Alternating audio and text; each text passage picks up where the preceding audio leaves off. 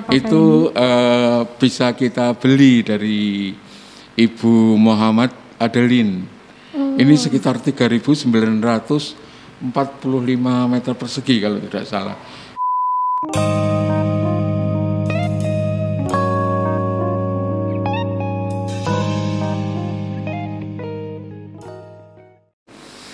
Halo sedulur cetis, selamat datang kembali di podcast Setip Sedulur Cetis Podcast. Terima kasih sudah klik video ini. Jangan lupa untuk like, komen, share, subscribe ke teman-teman semua, ke sedulur-sedulur cetis semua. Nah, saya Natalia Desiwa Hiningrum kali ini ditemani oleh BBGJ. Apaan tuh BBGJ, Pak? Bapak-bapak ganteng cetis. Waduh, mantap. Nah, bapak-bapak ganteng cetis kali ini monggo boleh diperkenalkan namanya, dari lingkungan mana? Ya, selamat malam. Saya Lingga dari lingkungan Santo Thomas Jatimulyo. Oh, oke. Monggo, Bapak. Halo, saya Stefanus Pariyadi dari lingkungan Bumijo. Wes mantap. Boleh Pak sambil disapa sedulur-sedulur citis yang di rumah. Halo, hai. Nggih. Eh, Mas Bro, Mbak Sis. Betul. Pak D, Pak Pak Le, Bule semuanya disapa, Pak. Oke.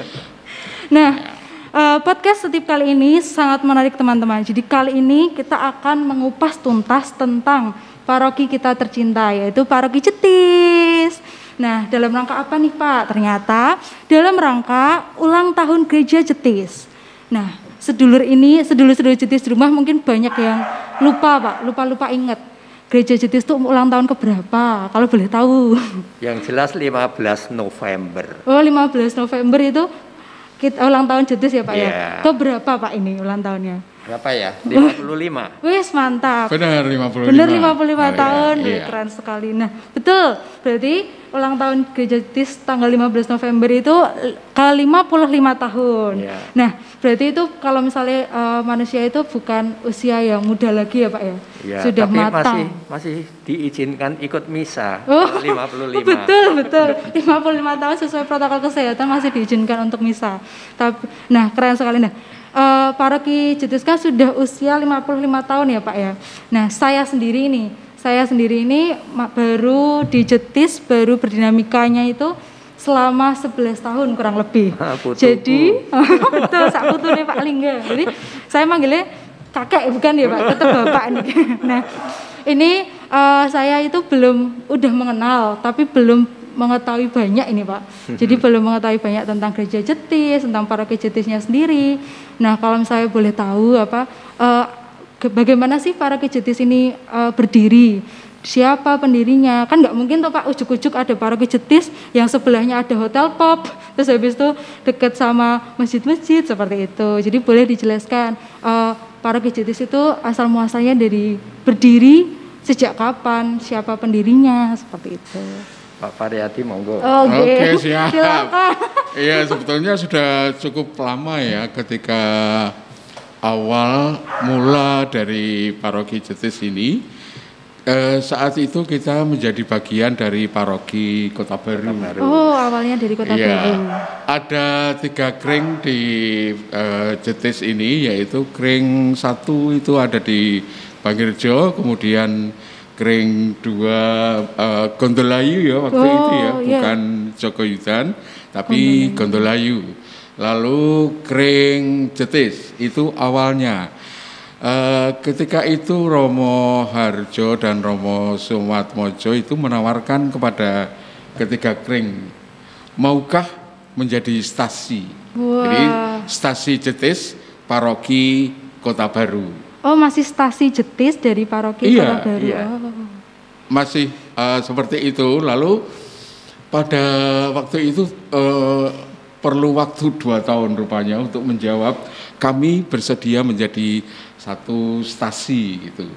Tahun 54 baru eh, dikatakan oke kami siap menjadi stasi Jetis paroki Kota Baru dan perjalanan untuk menjadi eh, sebuah paroki ini perlu waktu yang cukup lama. Lama. Iya.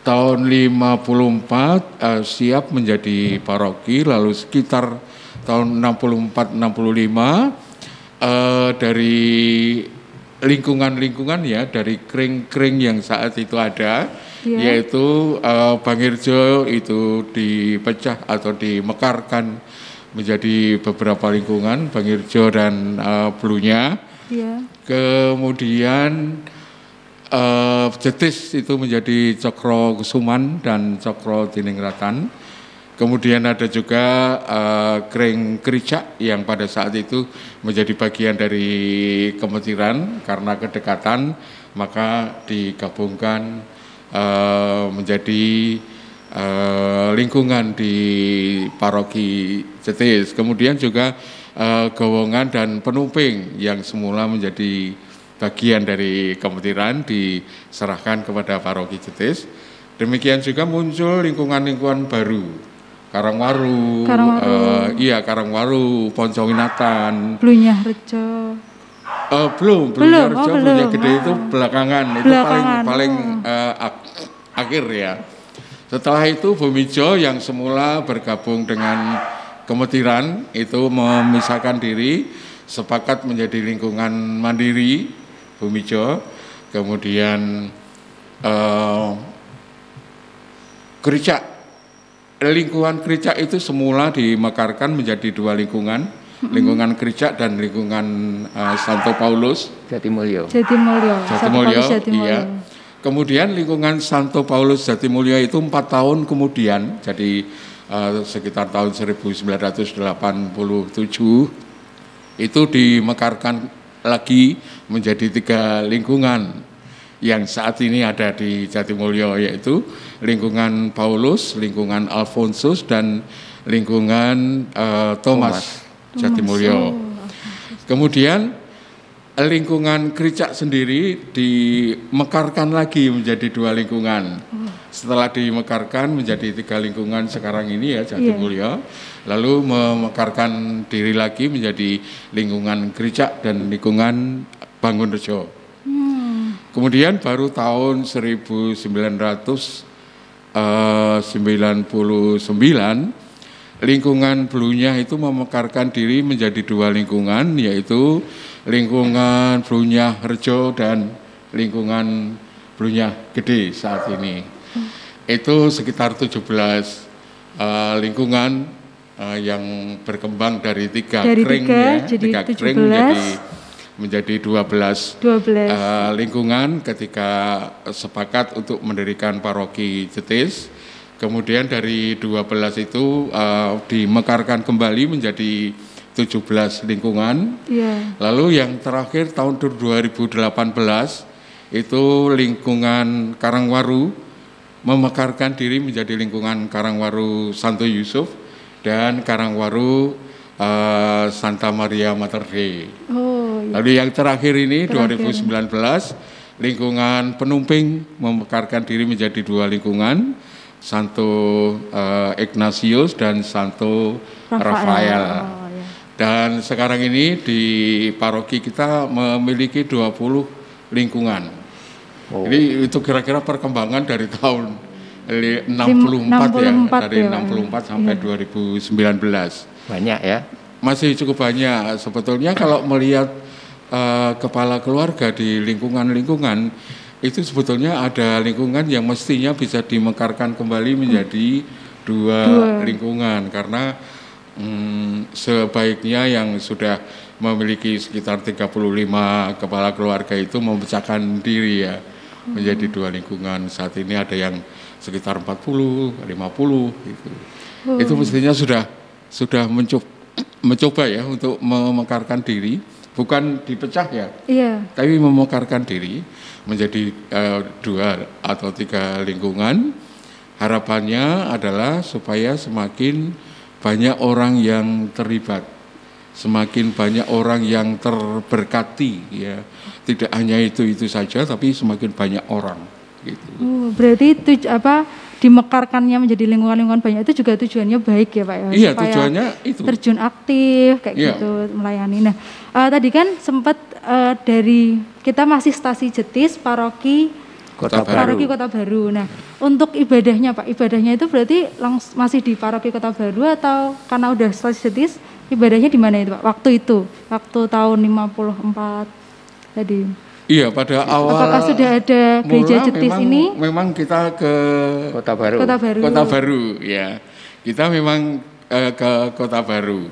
Lalu ketika eh, kita sudah sudah apa namanya eh, sepakat ya siap Sepakat, menjadi siap stasi, menjadi stasi. maka pada hari-hari besar seperti Natal dan hari Paskah Iya. itu eh, stasi Jetis memiliki keuntungan ya diberikan keuntungan menyelenggarakan sendiri jadi tidak bergabung di paroki Kota Baru tapi eh, menyelenggarakan sendiri dan tempat-tempat yang pada saat itu menjadi langganan Itu di mana itu Pak? di Nah, itu. aula STM Oh di aula STM. iya. Oh di berarti di gedung-gedung sekolah kayak gitu. Eh, eh, kemudian di SPG iya. eh, yang sekarang SMA 11 Oh. Lalu di mana di waktu itu Akademi Teknologi Kulit ya yang di Jalan ATK. Diponegoro ya ATK yang sekarang menjadi Hotel Amaris. Hotel Amaris. Oh iya, ada Iya. dua hotel di situ ya. Iya Oh. itu dia itu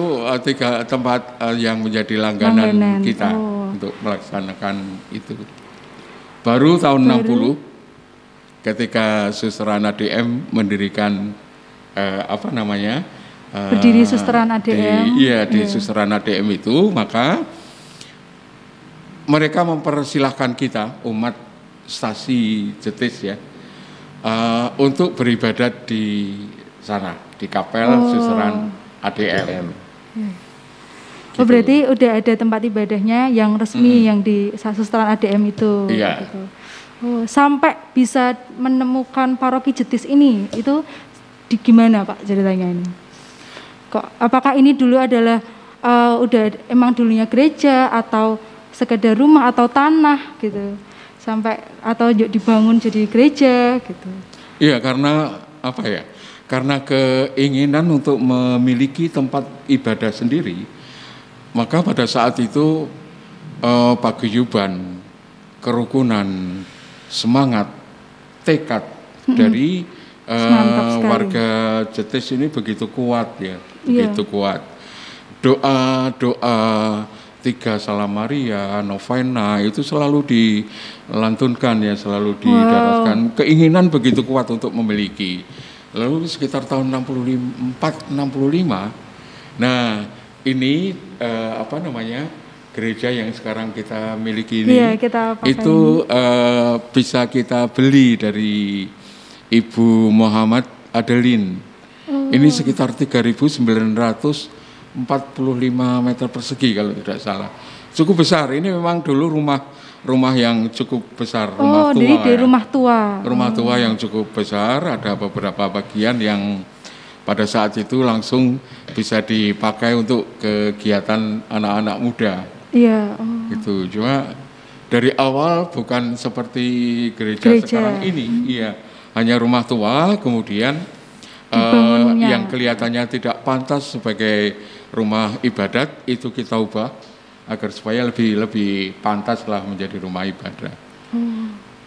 gitu sebelum Romo Mangun tinggal di paroki Jetis Oh, ya. tahun berarti 69 ya Pak Lingga kalau nggak salah. Ya banyak romo-romo PR itu tinggal satu sebetulnya begini. Jetis itu waktu itu kan ada dua keluarga, Iya, keluarga Unio Iya. dan keluarga paroki Jetis. iya. Nah, sehingga banyak romo-romo PR itu juga tinggal di Wisma di Unio Wisma itu. Oh. Iya. Pada waktu itu imam yang berkarya eh, di Jetis pertama kali dalam kan kalau hitungannya kan berdirinya resmi Jetis itu kalau nggak salah waktu ulang tahun yang pertama tahun 1965 ya Pak ya. Yang tadi yang 64 sudah mulai mendapatkan bangunan terus 65 ad- terbentuk gereja. Terus itu waktu itu imam yang berkarya siapa Pak? Romo Heribertus Noto Susilo, Romo. Oh, Romo Heribertus Noto Iya. Susilo. Nah, siapa ini yang masih ingat tentang Romo Heribertus Noto Susilo nih? Para Wah, keren sekali. Berarti perkembangannya dari tadi yang namanya dulu kering ya Pak ya? Kering, ya. Dulu kering, sekarang yang saya kenal itu adalah lingkungan. Lingkungan. Berarti kan sudah memiliki banyak perubahan kayak gitu. Nah, kalau dari perubahan tadi dari perubahan gereja yang G besar yang persekutuannya yang semakin banyak yang akhirnya menjadi 20 lingkungan yang berarti semakin banyak yang mencintai paroki jetis gitu. Nah, kalau yang dari perubahan bangunan fisiknya, Pak. Dari perubahan bangunan fisiknya kayak dulu mungkin gereja jetis ini uh, belum ada sayap samping seperti itu. Tuh bagaimana sendiri Pak perubahan fisiknya itu Pak? Ya. Yang perubahan fisik bangunan Terima gereja. kasih. Saya sendiri masuk ke paroki ini tahun 85. Oh, 85. Pada saat itu romonya kalau tidak salah Romo Bono ya. Nah, dua tahun kemudian saya diminta ikut uh, jadi pengurus Dewan Paroki tahun 87. Nah, waktu itu kondisi aula ini tidak seperti itu. Oh. Aulanya itu bangunan yang boleh dikatakan sangat sederhana dan dipakai sebagai gudang peti. Peti mati. Peti mati. Iya. Oh. Iya. Wow. Jadi agak- kalau- agak serem ya ini ya. Dewan Paroki rapat itu di sebelahnya tumpukan peti Tumpukan mati. peti mati. Iya. Wah. Kemudian gereja induknya juga sudah seperti itu, hanya hmm, yang sebelah selatan istilahnya apa Pak? Pendopo ya? Pendopo, Ya. pendopo itu belum, Belum ada. Oh, pendopo yang Pendopo depan belum iki. ada. Oh. Kalau sayang sayap timur itu sudah ada, lonceng sudah ada. Sayap timur dan lonceng itu yang membangun kalau tidak salah Romo Kiswono. Romo Kiswono. Ya. Altar konon sudah pindah yang saat ini yang ketiga. Sebelumnya di sebelah barat menghadap ke timur, sebelumnya lagi di pojok utara Timur. timur. Ya. Tetapi saya tidak tahu waktu itu karena tahun 85 kondisinya sudah Masih seperti oh, ini. sudah langsung ya. menghadap ke timur Ya, tadi ya, Pak. Oh. gitu. Wah, berarti sempat se- kita ke timur yuk memanjang berarti ya, Pak ya. Iya, ya istilahnya klasikal. gitu ya. Klasikal, ya. Jadi kayak eh, apa namanya guru mengajar anak-anak sekolah gitu ya, memanjang gitu. Gereja-gereja zaman dulu itu selalu begitu. Iya. Oh, selalu Karena seperti itu. menempatkan Tuhan itu di posisi paling atas, paling jauh, Sebagai- lalu baru Romo, baru ke umatnya. Sehingga jaraknya jauh begitu. Nah, sekarang setelah liturginya kalau nggak salah setelah Konsili Vatikan kedua itu diharapkan altar itu lebih dekat, lebih akrab ke umat sehingga seolah-olah tuh bisa dirangkul ngekepi Bisa gitu loh, dirangkul, dikekep nggih. gitu. Oh. Ya. Jadi dipindahlah altarnya ke sebelah bagian utara yang menghadap ke selatan ya. Ya mungkin Oh. alasannya seperti itu. gitu. Oke oke Pak. Nah ini Pak, saya tuh orangnya kepo banget. Jadi udah Kepo. kepo ini anak-anak anaknya kepo banget gitu. Nah eh, ini kayak kita kalau misalnya masuk parkiran ya Pak ya, itu kan udah disuguh sama gambaran-gambaran unik ya. Kalau menurut saya sih itu unik Pak, karena eh, saya sendiri itu belum lama tahunya kalau itu ternyata pohon sesawi Ya, gitu. pohon kehidupan. Oh, pohonnya itu. Terus habis itu setelah masuk ke gereja, ini kan saya PA atau Pak dulu nah. Itu saya kepo banget, mesti kayak gemes. Ya masuk ke altar itu kan ada tiang itu Pak di tengah. Nah, itu kenapa harus ada tiang di situ? Mesti kan kalau PA jalan kan mesti harus membelah gitu. Nah, apakah tiang-tiang itu terus kayak pohon sesawi yang di depan itu apakah ada artinya kayak gitu? Keunikan-keunikan apa lagi yang ada di bangunan gereja Jetis ini Pak? Se sejauh Pak Lingga mengetahuinya. Bangunan Romo Mangun itu ciri khasnya merakyat. Oh, iya. Ya. Dan Tidak unik itu Pak ya. di mana-mana tidak ada bangunan Romo Mangun yang mewah, apalagi bahan-bahannya pakai marmer dan Wah, sebagainya nggak ada. Sederhana gitu ya. Ya, jadi eh, kearifan lokal yang dipakai oleh beliau. Hmm. Ya, kalau kita mengamati bangunan Romo Mangun di mana pun, biasanya atap itu ujung atapnya itu mendekat ke lantai. Ke lantai iya. Makin rendah. Dari depan Ya. ya seperti itu. Ya, itu menunjukkan bahwa ah, lebih dekat, lebih ke umat yang sederhana. Kalau bangunannya magrong-magrong begitu kan orang agak takut mungkin. Ah, apalagi umat di Jetis banyak yang dari Iya, tepian Dari bantaran kali kan Wah, ya iya, kali ya itu menengah ke bawah kan. Oh, Betul. iya. Oh, iya. Zaman saya awal-awal di Jetis itu masih banyak loh mbah-mbah yang tanpa alas kaki pakai jarit yang Ya. ikut misa itu masih banyak Wah, saya sudah tidak pernah melihat itu. Jadi itu juga difasilitasi lah, diberi tempat supaya mereka juga tidak takut masuk ke rumah Tuhan begitu. Oh, iya. Kalau gambaran eh, biji sesawi itu apa? Pohon. Pohon, sesawi, sesawi. itu itu falsafahnya mungkin Romo yang lebih tahu, tetapi di situ ada satu pohon besar yang boleh dikatakan itu untuk bernaung semua umat begitu, umat. semua Oh, makhluk. iya. Ya. Ya. karena ada gambarnya ada burung di sana, Ya, terus habis ya. itu ada macam-macam hewan kayak gitu. Oh. Kalau yang tadi tiang, yang iya, ditanyakan, tiang yang di tengah itu Pak ya. ya, itu saya kira bagian dari konstruksi. Kalau jumlah tiangnya mungkin jumlah tiangnya bisa dianggap apa ya, soko yang jumlahnya mungkin tujuh ya Pak. Tujuh. Tujuh. Ya, Oh. ya. oh berarti saya harus ngitung lagi besok. Saya nggak tahu itu Pak. Oh. saya nggak tahu itu kalau tujuh tujuh ya Pak ya. Tapi dengan adanya tiang itu men- eh, awal-awalnya kan altarnya kan di pojok sini. Di sebelah yang timur utara. utara. timur utara. iya. Oh. Nah, jadi Oh iya jadi dulu tidak begitu. ya, jadi memanjang begitu ada tiangnya. Mm. Nah kalau tujuh sendiri itu apa ada artinya nggak Pak itu? Kalau soko gurunya tujuh itu? Iya kalau tujuh tiang di dalam gereja itu menurut saya eh, tujuh sakramen, Tujuh sakramen. tujuh pilar yang ada di gereja kita. Oh iya iya G Sa- besar ya. Betul. Oh iya Gereja gereja G besar. besar. Oh. Jadi ada tujuh sakramen. Eh, masih ingat? Eh, semoga Pak, iya. Ini dites ini saya berarti ya. Iya, semoga ada masih ingat. sakramen baptis, Baptis, sakramen ekaristi, ekaristi, kemudian sakramen krisma, penguatan, penguatan, sakramen tobat, tobat, pengurapan imamat. orang sakit.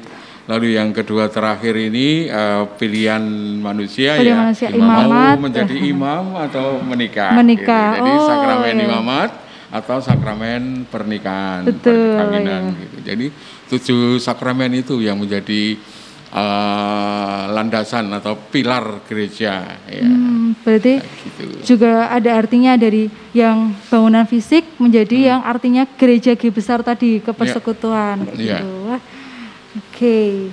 Nah, ini Pak, eh paroki Jetis kan eh, bicara tentang tadi keunikan yang ada di bangunan Jetis ya Pak ya. Pastinya kan ada keunikan lain. Yang saya tahu ini gereja Jetis ini kan ada di dekat pusat kota Tugu Jogja. Nah, eh, apa ad- ada hubungan antara sisi umat, lingkungan atau hubungan masyarakat, hubungan gereja dengan masyarakat sekitar? Kayak setahu saya juga gereja Jetis ini kan dikelilingi oleh eh, tempat ibadah saudara kita. Nah, itu apakah ada eh, keunikan di hubungan-hubungan tersebut kayak gitu, Pak? Kalau keunikan ini bukan keunikan ya, tapi kekhasan gitu ya. Kekasan ya. Di paroki Jetis itu eh, dekat dengan pasar, di samping dekat Oh, dengan iya. tugu ya. Jadi habis dari Dekat misa, dengan langsung mampir Jadi, gitu. Pada saat ini ada istilah jangan hanya berkutat seputar altar, tapi silakan juga ke seputar pasar gitu. Oh, Kita tidak boleh eh, apa namanya ber, eh, apa ya istilahnya eh, eksklusif gitu hanya Eksklusif, mengurusi diri sendiri sementara kita melupakan yang lain tapi di samping diri sendiri kita juga ingat kepada saudara-saudara yang lain gitu pasar gitu ya Pasar. pasar itu kan bisa jadi dalam tanda kutip menjadi ladang eh, pewartaan Peker- kita iya. gitu ya. Mereka itu juga butuh disapa Hmm. lalu hubungan kita selama ini dengan masyarakat di sekitar eh, paroki ini cukup baik ya. Eh, setiap tahun eh, ketika pada masa-masa normal ya. Pada saat ini memang tahun ini kami tidak menyelenggarakan akan tetapi eh, pada tahun-tahun ya yang lalu ya kita selenggarakan eh, malam hari ulang tahun itu kita mengadakan kenduri ya. Kita, Kenduri, oh iya. Kita mengundang Tumpengan. Iya, mengundang saudara-saudara- uh, saudara iya, kita. saudara-saudara kita yang di belakang gereja Belakang ini. oh Mereka kan iya. juga eh, tempat kita apa namanya eh, tinggal ya. Tinggal, Tidak betul. boleh kita lupakan. Kita juga mohon doa dari mereka agar supaya gereja ini tetap eh, lestari ya, berkembang eh, terus jauh dari ya gangguan-gangguan yang tidak kita harapkan ya. Iya, berhubung Iya. di belakang persis ini. Benar. Dan eh, kalau tidak salah tahun lalu teman-teman OMK kita ya, Iya, itu betul. juga terlibat aktif dalam eh, peringatan hari ulang tahun Ulang tahun eh, kemerdekaan. kita, Iya, kemerdekaan betul. kita. Iya. Ya, kita serawung kepada mereka. Kita terlibat dalam kegiatan mereka, eh, apa yang bisa kita lakukan, kita bantu mereka. Gitu. Hmm. Sudah sudah dilakukan. Jadi itu kekasannya kita ada di tengah kota ini bisa. Ya, saya kira Jetis pasti sudah mengambil peran itu. Eh, terjun, berbaur dengan masyarakat. Kalau tidak, nggak mungkin bisa bertahan, lebih bertahan. dari 50 tahun. lebih dari Iya. 50 Iya. tahun ya. Itu termasuk juga uh, rekor juga pertahanannya kita gitu nggih Pak nggih. Keren sekali. Iya itu cara kita menyapa mereka. Kalau Betul. mereka merasa disapa dengan baik ya, tentu mereka juga merasa bahwa gereja ini juga menjadi bagianku gitu. Oh iya. Sehingga mereka juga ikut ikut apa dalam tanda kutip kalau gereja sakit mereka juga ikut sakit. Kalau gereja senang mereka juga ikut senang gitu. Ini kalau itu sudah didapat, artinya perasaan disapa, lalu dilibatkan dalam kegiatan di gereja dalam tanda kutip ya, Iya. itu hal-hal yang di luar Liturgi. eh, iman, ya di luar liturgi mereka tidak berkeberatan. Pada hari-hari besar juga kita usahakan, kita upayakan agar supaya pengelolaan Pengelolaan parkir. parkir Iya. itu diserahkan kepada mereka supaya mereka itu tadi ya intinya kami dilibatkan. Kami gitu. dilibatkan. Iya. Saling Dan terlibat, saling itu dia. toleransi. gitu. Iya, kalau kami terlibat, kami dilibatkan. eh, artinya kalau ada apa-apa dengan gereja ini, saya juga ikut bertanggung jawab. Gitu. Oh. Mereka eh, punya perasaan seperti itu. Berarti kayak kekerabatannya sudah terjalin Iya, gitu. itu dia. Yes, keren sekali, mantap Pak. Nah, nah ini eh, karena kan nggak mungkin nih setip menghadirkan bapak-bapak ini hanya cuma-cuma, pasti kan udah yang lama sekali tadi kayak seperti bapak sejak tahun 85 ya Pak ya. Iya. Nah sampai sekarang ini eh, masih aktif di gereja Pak, s- masih aktif di gereja, masih. ya Pak ya. Oh, itu tentunya Maksudnya aktif bagaimana? aktif itu apakah menjadi dewan atau berperan sesuatu Terlibat- di- terlibat dalam terlibat kegiatan, dalam kegiatan itu sudah Iya. termasuk aktif ya, Ya, Pak. jadi kalau saya di dewan sudah tidak tidak jadi anggota dewan lagi karena Tapi sejak Romo Pahat eh, sebelum Romo Wahadi ya. Sebelum Saya tiga periode duduk di dewan eh, di seksi pembangunan yang Oh. sama ya itu melanggar aturan harusnya dua periode. tapi Nah, pelanjut aja gitu ya, Pak. tambah waktu itu belum ada aturannya kok Pak. Oh berarti Jadi masih boleh perpanjang Masih boleh. perpanjang gitu. Pak Lingga lagi, Pak Lingga lagi. Paling enggak berarti Betul. sangat terpercaya ini Iya. Pak. Eh, set- setelah itu saya berusaha untuk eh, membenahi kompleks gereja di bukan saya tapi saya ditugasi oleh Romo untuk berusaha membenahi Oh. tata ruang di kompleks ini. gitu. Oh berarti dalam sisi pembangunan gerejanya ya Pak. Belum membangun, Oh, belum meren- membangun. merencanakan, merencanakan merencanakan, ya. Loh, kalau Pak Paryadi sendiri eh, sudah pasti sudah lama dan setahu saya ini ya sedulur setis, nah, Pak Paryadi ini sudah membabat habis semua eh, perdewanan, loh, perdewanan. Membabat habis semuanya, gimana? eh, semuanya udah dilalui nggih Pak nggih sampai sekarang bahkan. Betul Iya, Pak? saya apa ya? Saya eh, istilahnya apa? Bukan bukan terjebak ya, tapi saya dipanggil untuk Oh, berkarya lah katakan begitu. Kalau terjebak itu kok kayaknya Kayaknya apa namanya? iya, kayaknya terpaksa itu. Sejak tahun 2000 2000 eh, apa namanya? Pada saat itu saya diberi tanggung jawab sebagai ketua dewan paroki. strukturnya belum belum seperti Belum sekarang ya. seperti sekarang sudah sekarang. ada perubahan. Lalu sampai sekarang saya sudah pernah menjadi sekretaris, pernah menjadi ketua bidang paguyuban, eh, pernah menjadi ketua wilayah juga. Lalu sekarang eh, diberi tanggung jawab untuk menjadi ketua bidang pewartaan dan evangelisasi sampai sekarang. Saya berharap eh, ya periode yang akan datang bukan karena saya tidak mau tapi eh, saya sebetulnya kepingin sekali agar eh, Dewan Paroki ini rata-rata umurnya itu di bawah 50 lah. Kalau sekarang rata-rata usia ya, Usia. anggota Dewan Paroki itu 50 eh, ke atas. Oh. Di apa ya yang namanya orang 50 eh, tahun lebih itu kan jalannya atau larinya sudah nggak begitu bilang kan kencang. ya. masih jiwa muda ini Pak. Ya, tadi kan masih bapak-bapak ganteng cetis. Iya jiwanya boleh muda, Iya. tapi fisiknya kan juga harus. Kalau eh, sekalipun eh, jiwanya muda, usianya sudah 66, ya diajak lari sudah kesulitan. gitu. 66, Pak. 66, ya sama dengan Pak Lingga. Malah lebih tua daripada usia ulang tahun gereja cetis ya Pak. Iya, Berarti gitulah. keren sekali berarti ini setip jos tenan apa mendatangkan bapak-bapak ini ya Pak. Iya, tapi kebetulan kami baptis dewasa, jadi Oh. bukan dari usia eh, putra altar kami sudah di sini, enggak, tapi kami sudah dewasa. Baptis Ah, berdiri istilahnya. ya. Baptis dewasa gitu. Iya, ya. tapi kan malah mantep tuh Pak. Apa pewartanya malah bener-bener masih inget gitu. Kan kalau bayi cepat kan ibunya, bapak ibunya yang mengetahui. Ya, oh, apa ya kalau kalau itu dikatakan pilihan gitu Bang ya. kami tahu pasti, kami yakin karena kami ya itu tadi kami tahu apa yang kami pilih gitu. Ya, pilihan. Pilihan Iya, tadi. pilihan benar-benar pilihan.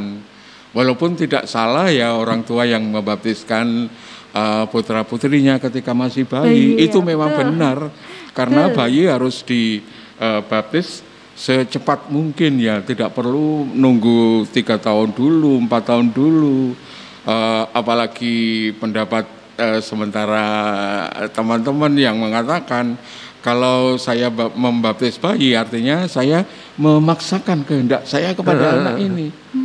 Padahal Ternyata anak bukan ini ya, kan Pak, ya? iya. Bukan alasannya bukan seperti itu. Padahal anak ini kan eh, boleh jadi ketika dewasa besok Memilih gimana lah saya sudah dibaptiskan dari bayi kok ayah ibu saya. Tapi ya memang harus begitu.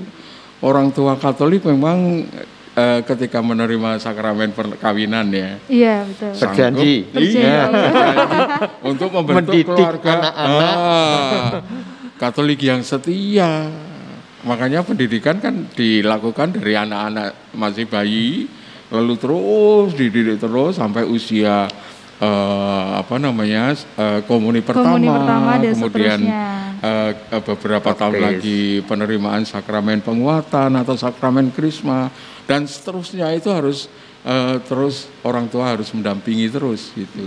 Nah, Jadi pendidikannya eh, bisa dikatakan tidak berhenti ya ketika anak kita sudah menikah karena Iya ini pengalaman pribadi ya ketika anak-anak sudah menikah lalu cara mereka mendidik anak mereka lalu ada semacam semacam apa ya perbedaan ya perbedaan perbedaan. pola eh, pendidikan ya. Tapi memang gitu, Pak. Iya iya. Kita ini kan generasinya generasi baby boomers. Ah, baby Kalau boomer. yang sekarang-sekarang ini cara berpikirnya mesti beda. generasi Milenial. milenial. ya. Oh, iya. Ya, nah ini Pak, ini yang perlu kita apa? Mungkin banyak generasi milenial yang belum merasakan kayak saya, saya kan tadi masih 11 tahunan, jadi kayak masih mencari terus, mencari terus pengalaman yang ada di Jetis. Nah, bapak-bapak ini kan tadi sudah puluhan tahun yang udah di gereja Jetis ini.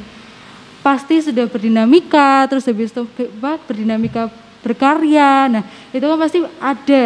Semuanya berkesan sih Pak ya, pasti pengalamannya. Tapi apakah ada pengalaman yang paling berkesan yang sampai mengena ke hati dan tidak pernah dilupakan. Waduh.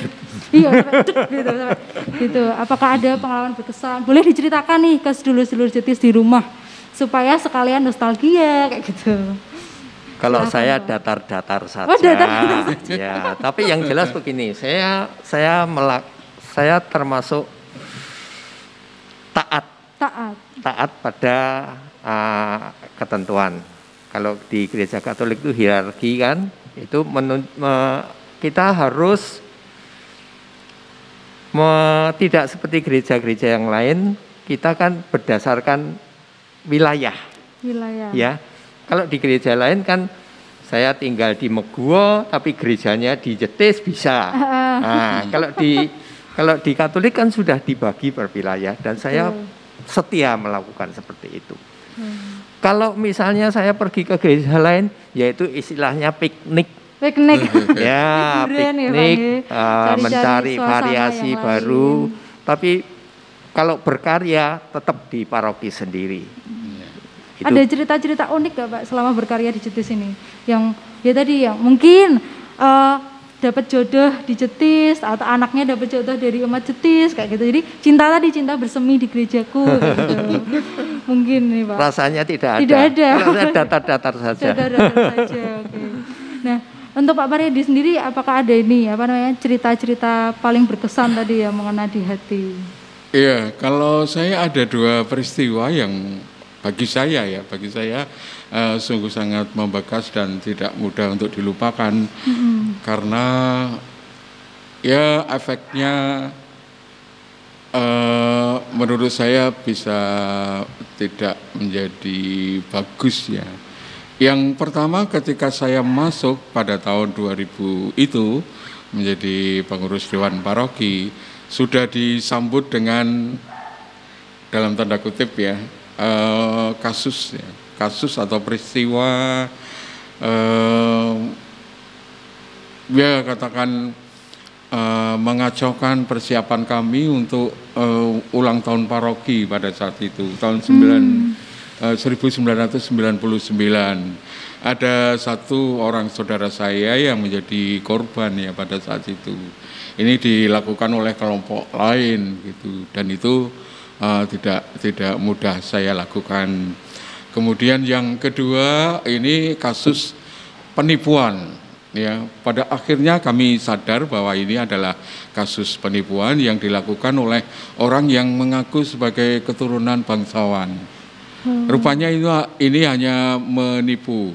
Akan tetapi eh, kenapa tidak bisa saya eh, lupakan? Karena itu juga melibatkan dari kelompok saudara-saudara kita yang lain ya bukan dari kelompok iman kita saja akan tetapi juga melibatkan mereka Nah, kalau dua kelompok ini eh, dikompori, diprovokasi, kemudian diusahakan untuk untuk saling membenci, saling eh, mencurigai, saya tidak bisa membayangkan apa yang akan terjadi eh, waktu itu ya di Jogja ini. Untung hal itu bisa segera kita antisipasi, kita adakan eh, pembicaraan-pembicaraan, pertemuan eh, dengan sementara teman-teman kita di kelompok lain, eh, entah itu dari remaja masjid, pemuda masjid, sehingga kita bisa menjelaskan kepada mereka apa yang sesungguhnya terjadi. Dan kami juga berbicara dengan eh, pihak Polda, juga pihak eh, Bapak Sultan dan eh, untung itu bisa di, diatasi ya. Kalau tidak saya tidak bisa membayangkan ya yang akan terjadi eh, setelah itu ya. Karena pada saat itu eh, mendekati hari raya Idul Fitri ya. Oh, iya. dan bantuan ini sangat dibutuhkan oleh kami semua ya. Tidak hanya kita sendiri tapi juga mereka ya. Kalau terprovokasi kami terprovokasi mereka terprovokasi akibatnya akan sangat eh, Perang. Sangat iya, ini. bisa jadi Mungkin- seperti itu pak Oh, iya. itu dua hal yang Dua hal eh, tidak yang- mungkin saya lupakan tapi eh, saya bisa memetik pelajaran dari dua hal itu bahwa inilah eh, perlunya mempererat ya mempererat persaudaraan di antara kita gitu saling menghormati saling menghargai saling memahami saling mengerti gitu ya Oh, jadi ada selalu ada positifnya tadi ya, Pak, selalu dari ada pengalaman. positifnya itu yang eh, pelajaran yang saya peroleh gitu. Nah, dari pengalaman Pak Paredi juga ini kayak sebagai tantangan juga ya Pak ya, tantangan eh, kita yang tantangan paroki bertahan kayak dalam artian tantangan menggereja, tantangan termasuk tantangan ya Pak itu ya.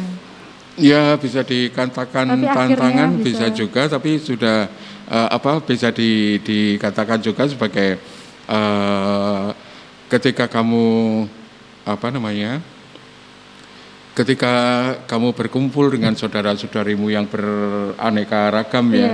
kamu harus bisa merangkul mereka semua ya. Eh, ya katakan toleransi di antara kita harus selalu dijaga. Gitu. Sangat sangat menarik ya mungkin. Tapi semoga ini pengalaman ini tadi tidak terjadi lagi di tahun. Oh ya. Iya.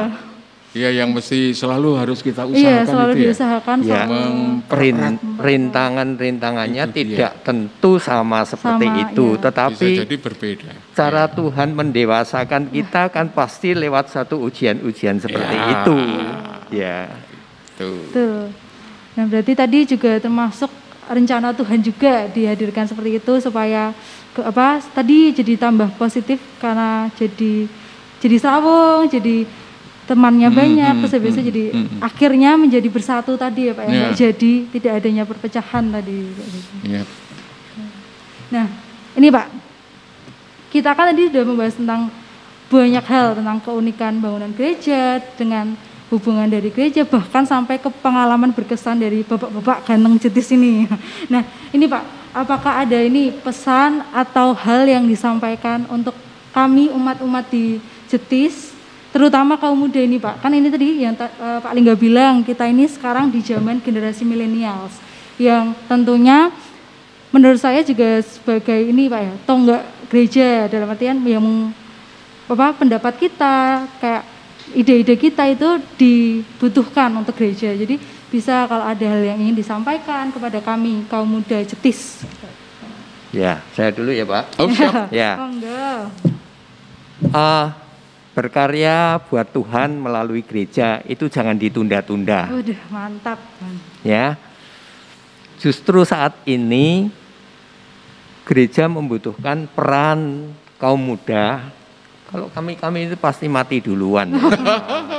Pas- Oh, pasti mengerikan itu. loh Iya, jangan Pak. Tapi yang muda-muda itu ayo loh berkarya. Kan banyak yang ah, mungkin tidak terlibat. Anak-anak muda sekarang lebih individual. Oh iya. Ya. Iya. HP saya Pak sekarang Ya, zamannya. itu ah, ayo kita bareng-bareng. Gereja ini juga gereja kita bersama, bukan punyanya Dewan Paroki, Oh. bukan bukan miliknya keuskupan, bukan miliknya Romo, Romo. Bukan milik- tapi itu milik, Milik kita. kita. Milik kita. Ya, harus kita kembangkan bersama. Siap. Setuju sekali Pak. Supaya kita anak muda segera untuk terjun ke aktif ke gereja untuk membangun gereja. Nah, dari Pak dari Pak Paryadi sendiri, apakah ada hal-hal yang ingin disampaikan pesan-pesan kepada cucunya nanti? cucunya nanti yang akan menjadi putra altar, habis itu lanjut ke OMK dan sebagainya, kayak gitu. Iya, untuk kita semua ya. Eh, u- untuk kita apa untuk Anda semua? Untuk anda semua kaum kaum muda, untuk Anda semua teman-teman saya dan sedulur muda saya di rumah, juga, Pak. ya. Eh, terlibatlah aktif di gereja ya. Terlibatlah aktif di gereja. Eh, dari situ nanti akan kita ketahui eh, paroki saya ini eh, kurang kurang ramai misalnya.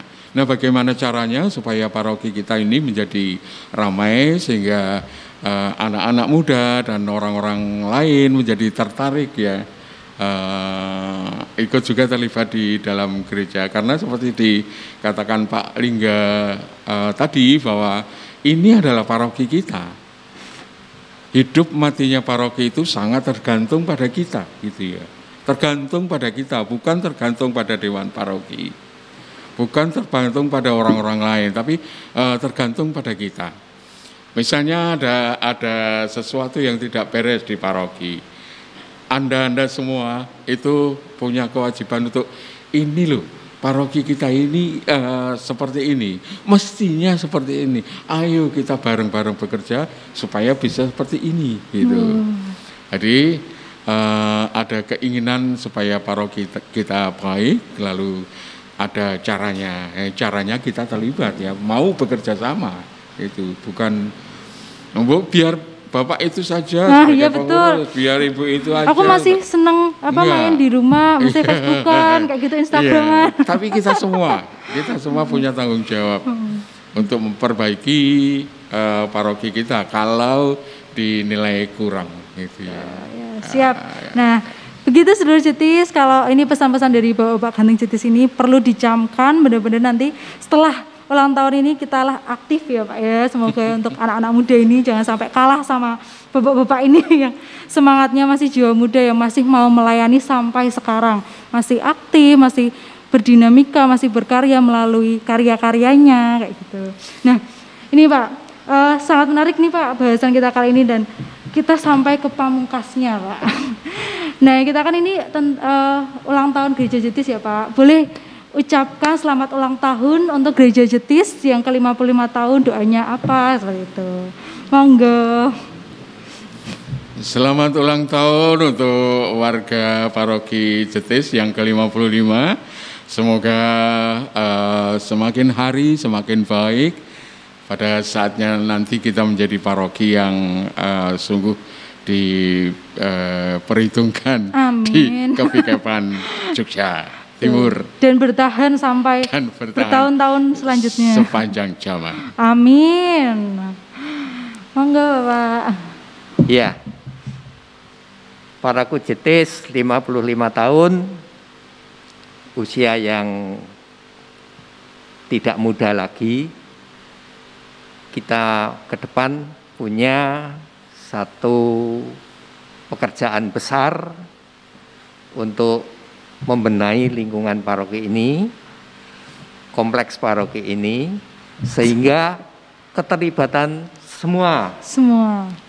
dan termasuk alumni-alumni Jetis. Waduh. Anak-anak Iya, muda Pak. Jetis yang sudah jadi orang tua di lain tempat yang sukses dan sebagainya, itu kita undang semua terlibat ke Jetis. Jetis. Ya, seperti istilahnya anak-anak De Brito itu loh, Oh. manuk pulang kandang. Wah iya, Ya, pulang kandang itu. Ya, Itu sudah hits di mana-mana itu. ya itu semua nanti kita libatkan untuk membangun Jetis. Oke. Ya.